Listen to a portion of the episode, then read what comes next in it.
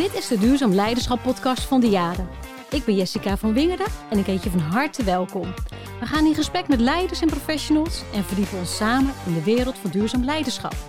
Neem je graag mee op deze inspirerende reis vol inzichten, waarbij we samen bouwen aan een duurzame toekomst. Laten we beginnen. Vandaag te gast in de podcast Duurzaam Leiderschap Busha Talidi, directeur en oprichter van adviesbureau Inclusioncy. Boesra, welkom bij de podcast Duurzaam Leiderschap. Fijn dat je er bent. Dankjewel voor de uitnodiging.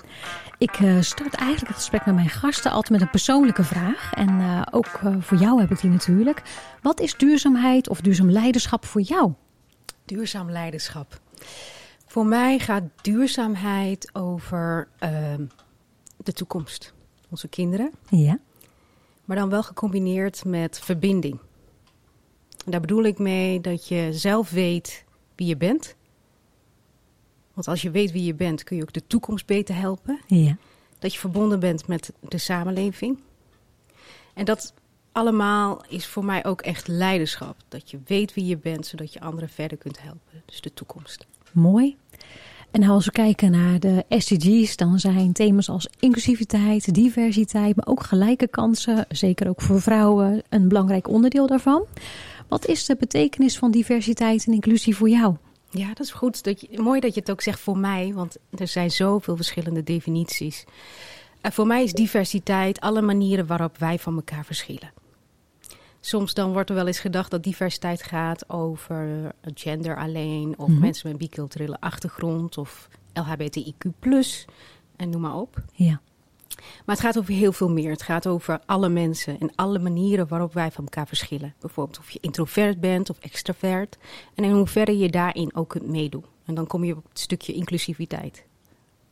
En als je naar inclusiviteit uh, kijkt, want je noemt het al, die verschillen, nou, dat is eigenlijk denk ik ook de, de kracht en de schoonheid van het leven, dat ook allemaal anders zijn. Ja.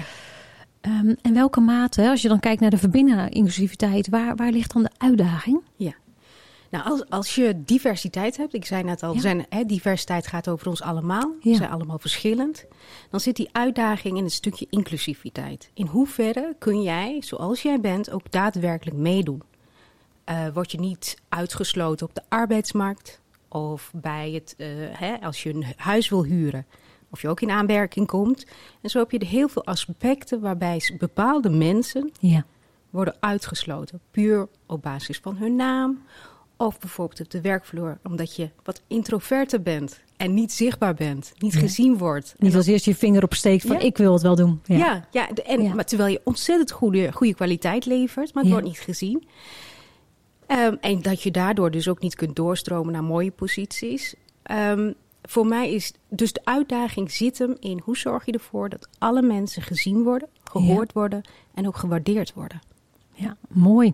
Nou heb jij, uh, jij hebt een hele mooie carrière en je bent echt expert um, ook op het gebied van diversiteit en inclusie. Hè. Daar help je organisaties ook mee. En kan me voorstellen dat je misschien ook zelf wel in je eigen leven dingen bent tegengekomen. En, en daar vroeg ik me ook wel af, heb jij nou voorbeelden van uitdagingen die je dan hebt ervaren met betrekking tot diversiteit uh, en inclusie in jouw leven, zowel privé of in het werk? Waar je zegt van ja, daar heb ik het wel zelf gevoeld. Ja, zeker. zeker. Ja, ik ben van Marokkaanse afkomst. Mijn ouders zijn in Marokko geboren. Ikzelf in Twente. um, en nou, ik heb het zelf wel gezien in mijn jonge jeugd. Uh, ik heb bijvoorbeeld gezien hoe mijn moeder en tante aan het wandelen waren.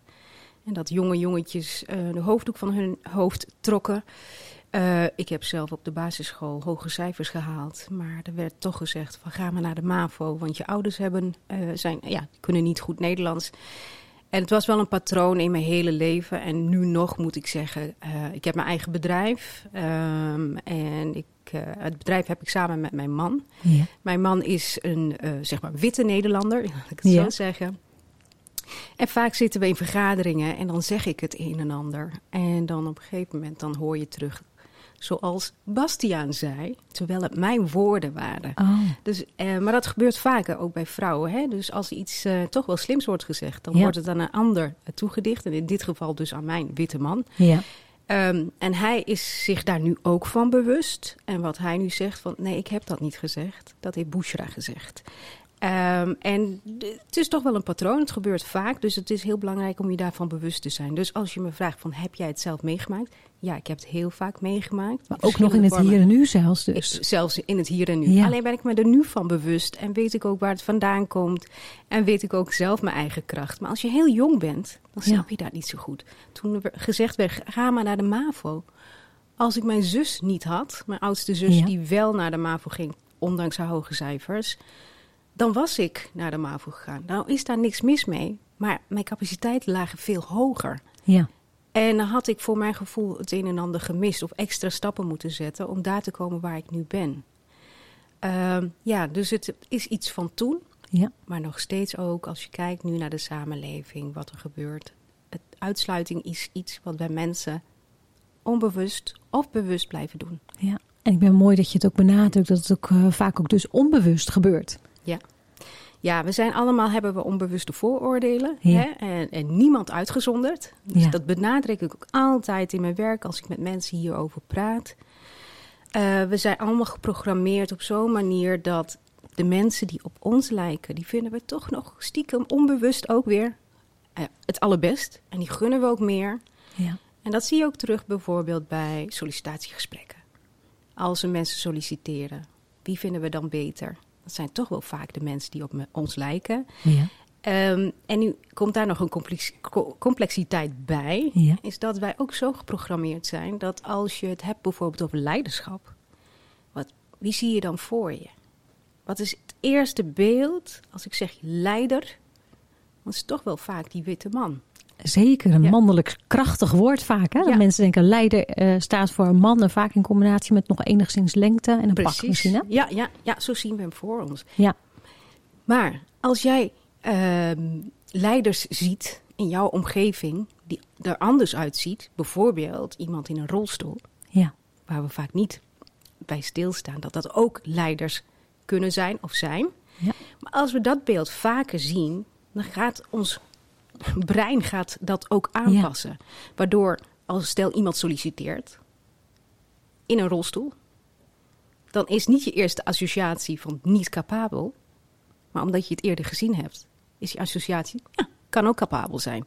Ja. En dat stukje, dat stukje bewustwording, is heel erg belangrijk. En dat vraagt dan ook wel om rolmodellen. Oh zeker, rolmodellen zijn zo belangrijk. Uh, ik heb dat zelf ook gehad uh, Ja. bij de Rijksoverheid bijvoorbeeld. Uh, toen kwam ik Marilyn Heijmee tegen, net als ik een jurist. Ja. Net als ik niet groot, net als ik van kleur. En Marilyn is van Surinaamse komaf en zij was directeur bij de Rijksoverheid. En ik zag voor het eerst een echt rolmodel. En toen dacht ik, ja, maar zij kan het ook. En het gekke was, zij zag in mij, ik had het net over herkenning. Ja. Zij zag in mij zichzelf, waardoor ze mij ook het een en ander gunde. Dus daar zit het ook in, hè? Ja. dat je dan toch... Ja, rolmodellen zijn ontzettend belangrijk.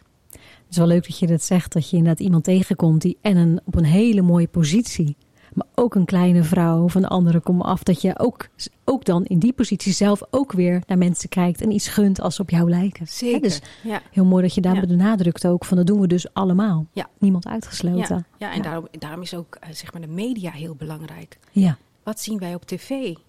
Welke boekjes lezen we voor aan onze kinderen? Is het de prinsesje dat altijd gered moet worden? Die een roze jurk draagt met glittertjes? Ja. Of kan ze ook een sterke voetballer zijn? Maar ook voor jongens. Waarom Ja. mogen jongens soms niet gered worden? In die oude wetse boekjes moesten Ja. jongens altijd de vrouw redden. Maar het kan ook andersom. ja. Ja, Prachtig, maar dat begint dus al heel vroeg thuis, maar ook in het onderwijs denk ik, om daar al mee te beginnen dan. zeker, zeker. Onderwijs heeft daar een heel belangrijke rol ook bij. Eh, maar ook ouders. Hè, welke boekjes heb je in huis? Welke tekenfilms kijk je? Ehm, dat, dat soort, daar begint het al, die bewustwording. Andere zaken laten zien dan wat je normaal gesproken voorge, voorgelegd krijgt. Eh, maar het begint, zoals ik in het begin ook al zei, het begint eerst met die verbinding met jezelf. Dat je jezelf kent.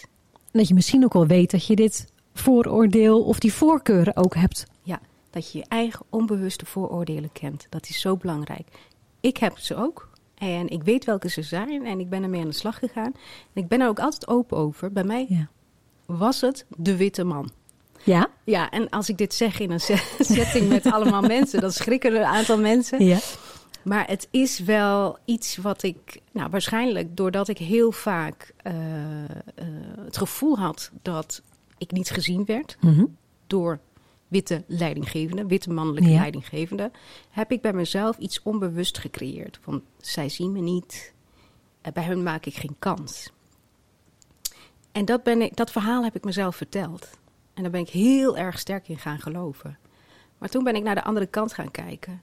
Wie zijn de mensen die mij een kans in mijn carrière hebben gegeven? Mooi. Dat waren ook die witte. Ja, prachtig. Ja, dus die bewustzijn, Ja. en dat kun je ook testen met Ja. de implicit bias test van Harvard Ja. of onderhuids.nl. Dat zijn manieren om te kijken van nou, waar, waar zitten mijn onbewuste vooroordelen? Ja.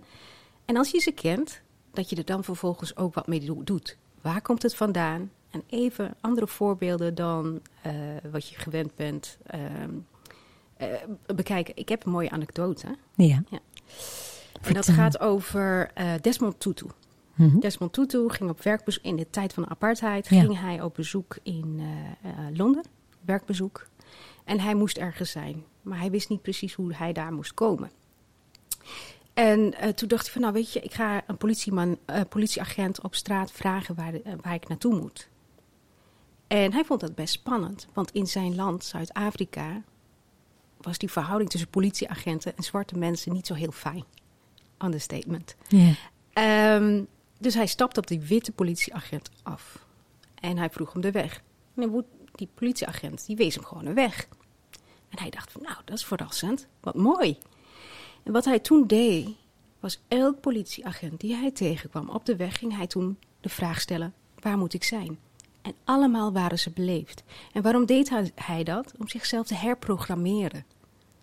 En dat kunnen we allemaal doen. Als jij iemand uit, met een andere achtergrond tegenkomt, maak die verbinding. Vraag eens, wie ben je? Wat drijft jou? En uiteindelijk allemaal zijn wij mensen Ja. en willen we allemaal één ding. Wij willen leven. Als je kinderen hebt, wil je goed zijn voor je kinderen of voor je ouders. Ja. We worden geboren, we gaan dood, we eten, we slapen, we doen allemaal hetzelfde. En als we dat toch steeds meer beseffen, ja. Ja, prachtig voorbeeld. En ik vind het ook mooi wat je zegt, want het vraagt naar persoonlijk leiderschap. Dus ook dat je eerst bij jezelf start. En echt wel die reflectie hebt. En hoe zit het dan bij mij eigenlijk als het gaat over, nou ja, die eh, misschien wel eh, voorkeuren of eh, misschien wel oordelen soms over andere mensen. Vooroordelen hebben over mensen. En dat je dan ook eerst je, jezelf eigenlijk kent en ontdekt zodat je dan ook veel meer vanuit, denk ook vanuit leiderschap. En of je nu leider bent van een organisatie. Of vooral hopelijk ook gewoon de leider van je eigen leven. Tussen de moment van geboren worden en er, eh, en er weer uit eh, gaan.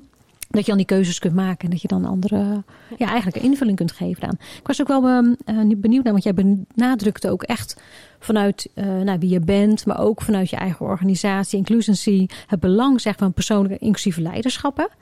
Ehm, hoe kun je nou leidinggevende inspireren en ondersteunen bij het ontwikkelen van zo'n leiderschapsstijl? Ja. Even over dat persoonlijk leiderschap. Ja. Eh, even, even dat stuk. Het gaat inderdaad, persoonlijk leiderschap gaat over eh, jezelf leren kennen. Ja, Jezelf goed leren kennen. Ehm, waar zitten mijn onbewuste vooroordelen en waarom? Hè, waar, waar ik net Ja. over vertelde. Maar persoonlijk leiderschap gaat ook over, stel je komt uit een ondervertegenwoordigde groep, dat je je ook beseft, je bent niet afhankelijk van anderen. Je kunt zelf ook heel veel doen zonder afhankelijk te zijn van anderen. En dat is een beweging die ik steeds meer zie hier in Nederland, in de hele wereld. Dat mensen uit ondervertegenwoordigde groepen gewoon zeggen van ja, weet je, dan doe ik het zelf wel. ja, Kijk maar naar Omroep Zwart bijvoorbeeld. Of een Vanix, een radiostation Ja. Vanix. Politieke, verschillende politieke partijen die ontstaan. Eh, en dat is dat stukje persoonlijk leiderschap waarvan ik denk, dan krijg je echt inclusief leiderschap. Maar als je kijkt, even terug naar jouw vraag, leiderschap. Leidinggevenden hebben een hele belangrijke rol als het gaat om inclusiviteit. ja, Hè? eh, dus dat stukje, eh, hè, wie ben ik, waar ik net over vertelde. Maar waar het ook om gaat, leiderschap is ook dat je, als je met een team samenwerkt, je team ook voorop stelt. Een stukje bescheidenheid. Want ik heb het niet alleen gedaan. Daardoor krijg je ook wat meer inclusie. Ehm, maar vooral, en het allerbelangrijkste, en dat is ook onderzocht eh, door Harvard, is dat ze werken aan veiligheid. psychologische veiligheid. Dus dat je ervoor zorgt dat je medewerkers zich durven uit te spreken. Dat ze ook misschien gekke dingen zeggen, die vaak niet gek zijn. Dat je uit je bubbel durft te stappen. Waardoor je als organisatie ook vervolgens veel beter presteert. Dit komt van uh, psychologische veiligheid, komt van Amy Edmondson. Ja. Zij is professor bij Harvard. En zij heeft onderzocht wat de best presterende teams zijn. Ja. En de best presterende teams zijn de teams die de meeste fouten maken. En dat klinkt tegenstrijdig, maar is het totaal niet.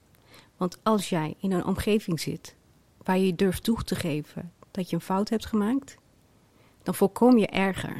En dan kun je veel beter tot goede resultaten komen. En samen leren dan ook van die fouten. Absoluut. Toch? Ja. ja. Wel heel mooi dat je psychologische veiligheid ook aanhaalt. Want dat is denk ik ook echt een thema van we veel meer zien dat het nu centraal staat in organisaties. Of dat het ook over gesproken wordt in de samenleving. Um, ik vind het wel heel mooi, je, je, noemt een paar elementen. Maar hoe kun je nou als uh, leider bouwen aan een cultuur waar psychologische veiligheid ook echt centraal staat? Ja. Het, eigenlijk is het begint heel basaal. Veiligheid. Nou ja, misschien nog wel basaler. Zorg eerst goed dat je lekker in je vel zit. Ja. Dat vergeten we ook wel eens. Als jij niet lekker in je vel zit door privéomstandigheden of wat dan ook, onzekerheid, ja. dan kun je niet zo'n hele fijne leidinggevende zijn vaak. Dus dat, daar moet je echt rekening mee houden. Maar je, je, je creëert uh, een veiligheid alleen al door helder te zijn in je opdrachten. Wat verwacht je van je medewerkers? Heb je het helder gecommuniceerd? Ja. Weten ze wat, wat, hè, wat verwacht je van ze? Alleen al dat stukje geeft het dus het stu stukje veiligheidsgevoel. Maar ook bijvoorbeeld als je in een vergadering zit en jullie zitten bij elkaar, toon jezelf als voorbeeld in die zin dat je, stel iemand zegt iets, komt met een bijzonder apart, vernieuwend idee. Ga die persoon niet uitlagen, maar verwelkomend. Stimuleer het. Want op die manier krijg je innovatie en nieuwe ideeën en creativiteit. Dus je bent gewoon, of je nu wil of niet, als jij Ja. een leidinggevende functie hebt, dan sta je in die hiërarchie ten opzichte van je medewerkers. Ja. En dan is het heel belangrijk om het juiste voorbeeld te geven. En dat zit hem in eh, bescheidenheid. Ja. Dat zit hem in eh, mensen insluiten. Veiligheid, helderheid, transparantie, communicatie, dat soort zaken. Daar gaat het er zo echt over doen. Het gaat over doen. Ja. Jij bent het voorbeeld van wat je eigenlijk wat, wat nodig is. Ja. Dus walk the talk is ook in deze situatie, in psychologisch veilig, eigenlijk de kern waar het wel echt om draait dan. Zeker. Ja. Mooi. Ja. En nou, nou kom je helaas eh, in de praktijk. Je gaf net een mooi voorbeeld hè, over hoe zeg maar soms dan toch we nou ja, niet altijd even inclusief zijn of toch bepaalde oordelen hebben die, die vormen ons gedrag. Namelijk, jij zegt iets moois en de quote wordt toegeschreven aan je man. Dat is Ja. even zo'n voorbeeld. Ja. Dan zien we vaker dat er toch in organisaties, ondanks dat er een beleid is rondom diversiteit en inclusiviteit, het gedrag op de werkvloer niet altijd daarmee strookt. Ja. Hoe maak je nou niet inclusief gedrag op de werkvloer op een goede manier constructief bespreekbaar? Ja. Niet inclusief gedrag. Dan denk ik als eerste aan grensoverschrijdend gedrag Ja. of opmerkingen. Ja, bijvoorbeeld, eh, je gaf net een mooi eh, voorbeeld van zo'n meeting. Je bent met z'n allen in overleg en er komt een, eh, een creatieve medewerker uit het team met een heel prachtig idee. En eigenlijk, nou ja, of iemand wordt uitgelachen of meteen de mond gesnoerd of gelijk van joh, eh, hey, je weet waar je werkt, hè? dat kan niet. Hè? Dus eigenlijk vind ik ook een vorm van niet inclusief gedrag, hè? dat je iemand gelijk afwijst. Dat, dat zeker. Ja, Het begint eigenlijk bij de, de afspraken. Hoe gaan we met elkaar om? Ja, Als je kijkt naar eh, mijn kinderen op de basisschool, voordat het schooljaar begint, maken ze bepaalde afspraken. Afspraken zoals we laten elkaar uitspreken, we tonen respect eh, naar elkaar toe. Hele basale afspraken. Maar wij volwassenen in het werkend leven doen dat niet. Over het algemeen niet. Tenminste, ik kom ze heel weinig tegen. En dan moet je daar invulling aan geven. Bijvoorbeeld als het gaat over grapjes maken. Welke grapjes zijn nog leuk en welke niet? Is het oké als je zegt van nou, vrouwen kunnen helemaal niet inparkeren? En dat zeg je dan duizend keer achter elkaar tegen je enige vrouwelijke leidinggevende. Is dat oké? Of iets over een zwarte piet in deze tijd? Is dat oké voor jouw organisatie? En elke cultuur, elke organisatie is weer anders. Dus als ik Ja. dat bespreekbaar maak bij organisaties, dan vraag ik ze: wie willen jullie zijn? Wie zijn jullie nu en wie Ja. willen jullie zijn? En dan zie je dat daar nooit over nagedacht is. Waar ligt bij jullie de grens? En je hebt natuurlijk gewoon de universele grenzen Ja. hè, die je niet overschrijdt. Ja. Maar als het eh, op de werkvloer aankomt, dan moet je daar het gesprek over aangaan met elkaar. En dat doe ik dus ook bij organisaties. Ja. En dan zie ik toch wel heel veel vragende gezichten. Maar ook dat iedereen er anders in staat. En dan heb je de rol van de leidinggevende. Iemand moet de knoop doorhakken. ja. En dat is spannend. Maar het is wel nodig. Dan denk ik gelijk aan jouw voorbeeld eh, van school eigenlijk. Hè, waar de, misschien wel de leerkracht zegt... jongens, begin van het schooljaar maken afspraken met elkaar... over dat elkaar laten uitspreken. Eigenlijk hebben we een, zeg ik dan even maar quote... eh, een leider die als, een, als zo'n juf of meester eigenlijk is nodig dan. Hè? Die, Ja. die dat misschien wel dat gesprek faciliteert. Wat vinden wij met elkaar acceptabel? Ik, ik, vind, leiding, Ja. eh, ik, vind, eh, ik vind leraren daar een heel mooi voorbeeld van. Ja, Want kindertjes, ja, die heb je ook in allerlei soorten smaak Ja. karaktertjes. ja zeker. En krijgen allemaal iets mee vanuit huis. En daar in de klas moet je het samen gaan doen. Ja. Ze zitten, ik weet niet hoeveel uur per jaar bij elkaar in de klas. Ja. En dan heb jij als, leiding, als, als leraar, moet je zorgen voor de harmonie en rust. Ja. Met als doel ook dat die kinderen allemaal iets leren. Want daarvoor zitten ze er. En dan moet je ook ingrijpen. Maar wie bepaalt wat wel of niet kan? En dat doe jij dan op dat moment als leraar. En dat is spannend. Want hoe ben jij geprogrammeerd? Grappig. En eigenlijk zijn de meeste leiders in de organisatie hebben precies dezelfde opdracht. In, in misschien een andere levensfase. Want ja. die kinderen zijn ondertussen volwassener geworden. Ja. Hebben iets meer bagage, maar zijn nog steeds zo divers met andere achtergronden, andere opvattingen. Ja. En eigenlijk in die zin vind ik wel heel mooi om dan ook naar bedrijfsleven ook de parallel te kunnen trekken. Is wel precies hetzelfde vraagstuk. Ja, precies. Wat misschien kan helpen is als je een, ehm, een team hebt, dat je elkaar gewoon basale vragen stelt. Ja, Zoals, eh, wat drijft jou? Waar ben je bang voor in, hè, in, in, dit, in dit werk ja, of bij deze opdracht? Eh, en, en waar ligt jouw kwaliteit? Eh, wat wij geneigd zijn te doen is, als wij iets gaan, samen gaan werken, gaan we meteen de inhoud in.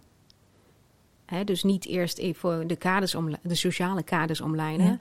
maar meteen de inhoud in. En dan vergeten we zeg maar intermenselijk contact. ja, En dat krijg je terug door gewoon drie vragen te stellen. Waar, waar ligt jouw talent? Wat, wat kun jij bijdragen? Waar ben je bang voor? En wat eh, kun jij hier inbrengen? Dus dat, dat allemaal bij, bij elkaar, als je alleen al op die manier start, ja. ja. dan start je op een ander niveau. Prachtige vragen zijn het eigenlijk ook. Ja, ja, Want dat maakt ook dat je even een moment hebt om eerst te kijken wie zijn wij met z'n allen aan tafel. Ja. En hoe verhouden we ons dan tot onze gezamenlijke opdracht bijvoorbeeld? Hè? Of een project of precies, hè, wat we ook te doen hebben of willen doen samen en willen bereiken. precies. Ja. Ja. het is zowel zakelijk, maar ook menselijk. Ja, mooi. En en je zei al iets over diversiteit in teams. Hè? Want als je met een team aan de slag gaat, dan is dat dus heel belangrijk dat je dus deze vragen ook stelt. En vanuit daar op het men, intermenselijke niveau kunt beginnen eigenlijk. Hè? Vanuit de verbinding en dan naar het zakelijke deel. Ik vroeg me wel af, ehm, als je kijkt naar dat, eh, die diversiteit in teams. Hè? Dan, je hebt al net aangegeven, eh, in onderzoek zien we ook dat mensen of teams beter presteren eigenlijk als er meer diversiteit is. Wat zijn nou eigenlijk de randvoorwaarden die je als, eh, als organisatie en als leider misschien moet faciliteren of moet creëren? Om, de, om de, de benutten van de kracht van diversiteit in teams, om dat een succes te laten worden. Nou, dat is zo, sowieso weer kom ik terug op die, dat stuk Ja? veiligheid. Dat is echt, echt de basis. In combinatie met je eigen, eh, met inclusief leiderschap. Als je verandering wil, vanuit change management, wordt er gezegd, dan moet de sleutels zijn de top en subtop. Zij kunnen beslissingen nemen. Eh, zij eh, moeten het gaan doen. Zij Ja. geven het goede voorbeeld. Dus daar ligt een hele belangrijke kader en randvoorwaarden. Dat je het zelf, één, dat je ook echt, stel je wil inclusief, diversiteit en inclusiviteit, Ja, dat je dat ook echt daadwerkelijk voelt.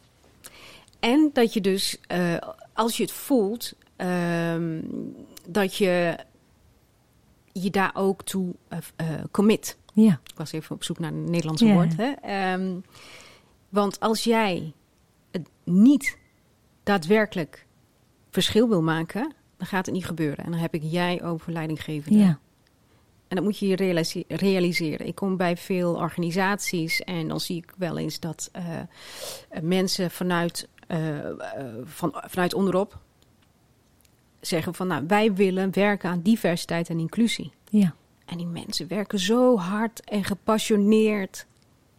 Maar dan heb je de top. Die het eigenlijk helemaal niet belangrijk vinden. Of in elk geval, ja, het is wel belangrijk, maar niet prioriteit. En dan raken die mensen op de werkvloer, die raken en die begaan zijn met diversiteit en inclusie, die, die worden dan zo gedemotiveerd. En wat er dan gebeurt, is dat mensen weggaan. Ja. Dat ze daar niet meer willen werken. En dan verlies je hele goede mensen. Dus wat heb je nodig als randvoorwaarde? Dat je echt betrokken bent, die commitment. Ja. Zorgen voor die veiligheid. En ook zorgen dat je zelf als leidinggevende jezelf bewust bent van wie je bent en wat je doet en je eigen rol. Mooi. Nou um, heb ik in organisaties uh, op verschillende plekken gezien dat er nagedacht wordt of soms gewerkt wordt met di diversiteitsboards. Hè? Dus, dus dat echt mensen samen worden gezet in een groep om daar heel erg de organisatie te challengen op doen we het nou eigenlijk wel goed. Zijn dat nou dingen waarvan jij zegt joh dat werkt? Of, of zeg je ja, dan ga je eigenlijk weer een aparte groep maken waar dan weer een heleboel mensen niet bij horen. Hoe, hoe kijk je naar diversiteitsboards in organisaties? Helpt dat? Helpt dat niet? Ja. Nou ja, je hebt verschillende diversiteitsboards, Ja. werkgroepen, ambassadeurs. Ja. Hè, ze hebben allemaal verschillende namen, verschillende rollen. Eh, het kan werken. Het kan werken als je kijkt naar. Maar dan is het wel belangrijk dat die, ik noem ze even in dit geval een, een werkgroep, Ja, dat ze ook serieus worden genomen. ja, Want als je alleen maar iets roept eh, en het wordt niet gehoord, dan krijg je heel snel de stempel: oh, dat zijn een stelletje activisten, oh, die zijn lastig. ja, Dus wat is jouw rol als werkgroep? ja. En is dat ook vastgelegd? Heb je ook echt een taak of een functie? Of is het misschien alleen maar om te kunnen zeggen we hebben een diversity board? Het is een Ja. soort van window dressing kan Ja. het zijn. En wat doen ze Ja. dan? Ja, dan is het eh, coming out day. Ja, En dan wordt er een leuke bijeenkomst georganiseerd. Of hè, Internationale Vrouwendag. Maar je wil veel meer. Hè? Dus Ja. daarom heb je. Ja, je- het kan heel. Om terug te komen op je vraag. Het kan werken, maar je moet heel erg goed, goed kijken naar de rol en functie. En de mensen die in die werkgroep zitten. ja. Dus als je doet, doe het dan echt goed met een duidelijk doel. Zodat, en de mensen die erin zitten echt weten wat er van ze verwacht wordt. En dat ze gesteund worden. Ja, mooi. Ja. Heb ik voor elke gast altijd een paar de dilemma's eh, die ik voorleg waar je uit mag kiezen. Ja. Eh, ik heb er een paar en eh, daarna mag je zelf een, eh, een van de antwoorden toelichten. Eh, inclusiviteit of diversiteit? Eh, inclusiviteit. Gelijke kansen of extra mogelijkheden? Gelijke kansen. Doe maar duurzaam of doe maar gewoon? Doe maar duurzaam. Welk antwoord wil je toelichten? Nou, de eerste. Want Ja? ja, ik, ik, ik, ik was even zo. hm, di- diversiteit of inclusie. Ja. Nou, weet je, zonder eh, inclusie, dan heb je ook geen diversiteit. Dus het, het- het- niks kan zonder inclusiviteit. Ons land, Nederland, kan niet zonder inclusiviteit. Dus daarom heb ik toch voor inclusiviteit gekozen. Mooi. En terecht wat je zegt. Ik denk, we hebben in Nederland twee hyperdiverse steden. Er zijn er maar 13 in de wereld en wij hebben er twee. Rotterdam en Amsterdam. Dus het is inderdaad heel terecht. Hè? We hebben het eh, omarmend en benut het ook. Want we kunnen inderdaad, terecht wat je zegt, gewoon echt niet zonder. Zeker. Hele mooie. Als laatste vraag. Die, eh, die ben ik natuurlijk ook heel nieuwsgierig naar. En ik denk de luisteraars ook. Welke les op het gebied van duurzaamheid heb jij zelf tot op heden in je leven geleerd? En zou je graag willen delen met onze luisteraar?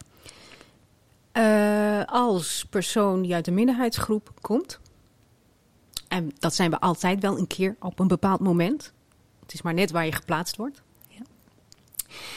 Ehm, wil ik, vind ik het heel erg belangrijk, geef ik mijn kinderen ook mee. Hou van jezelf. Het klinkt heel, misschien ja, een beetje soft.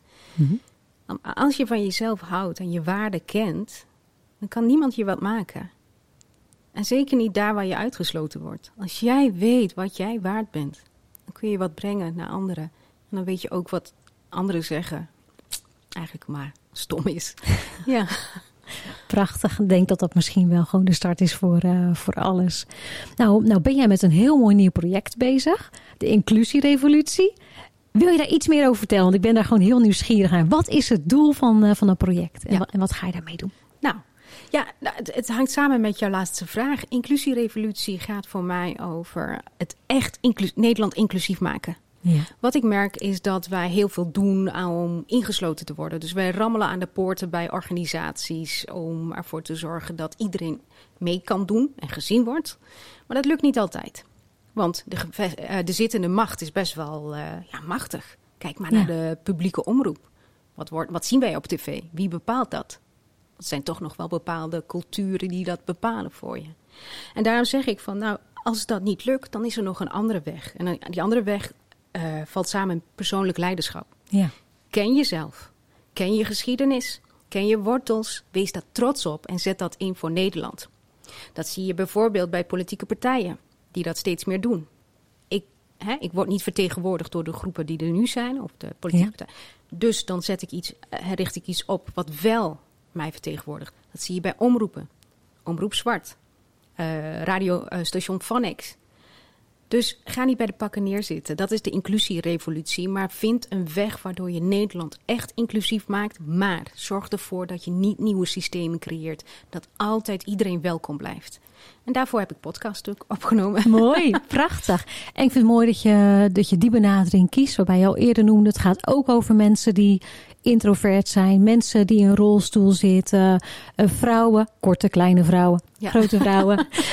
Alle verse eh, varianten van diversiteit die, eh, die, en inclusiviteit. Dus eigenlijk waar we met elkaar meer aandacht voor nodig hebben. Zeker, absoluut. Prachtig. Dankjewel voor dit mooie gesprek. Heel veel dank voor de uitnodiging. Dit was een podcast van Diade. Wilt u reageren of iemand aandragen als gast? Mail dan naar duurzaamleiderschap.diade.nl Volg onze socials en neem een kijkje op diade.nl om te zien wat wij voor u kunnen betekenen op het gebied van duurzaamheid.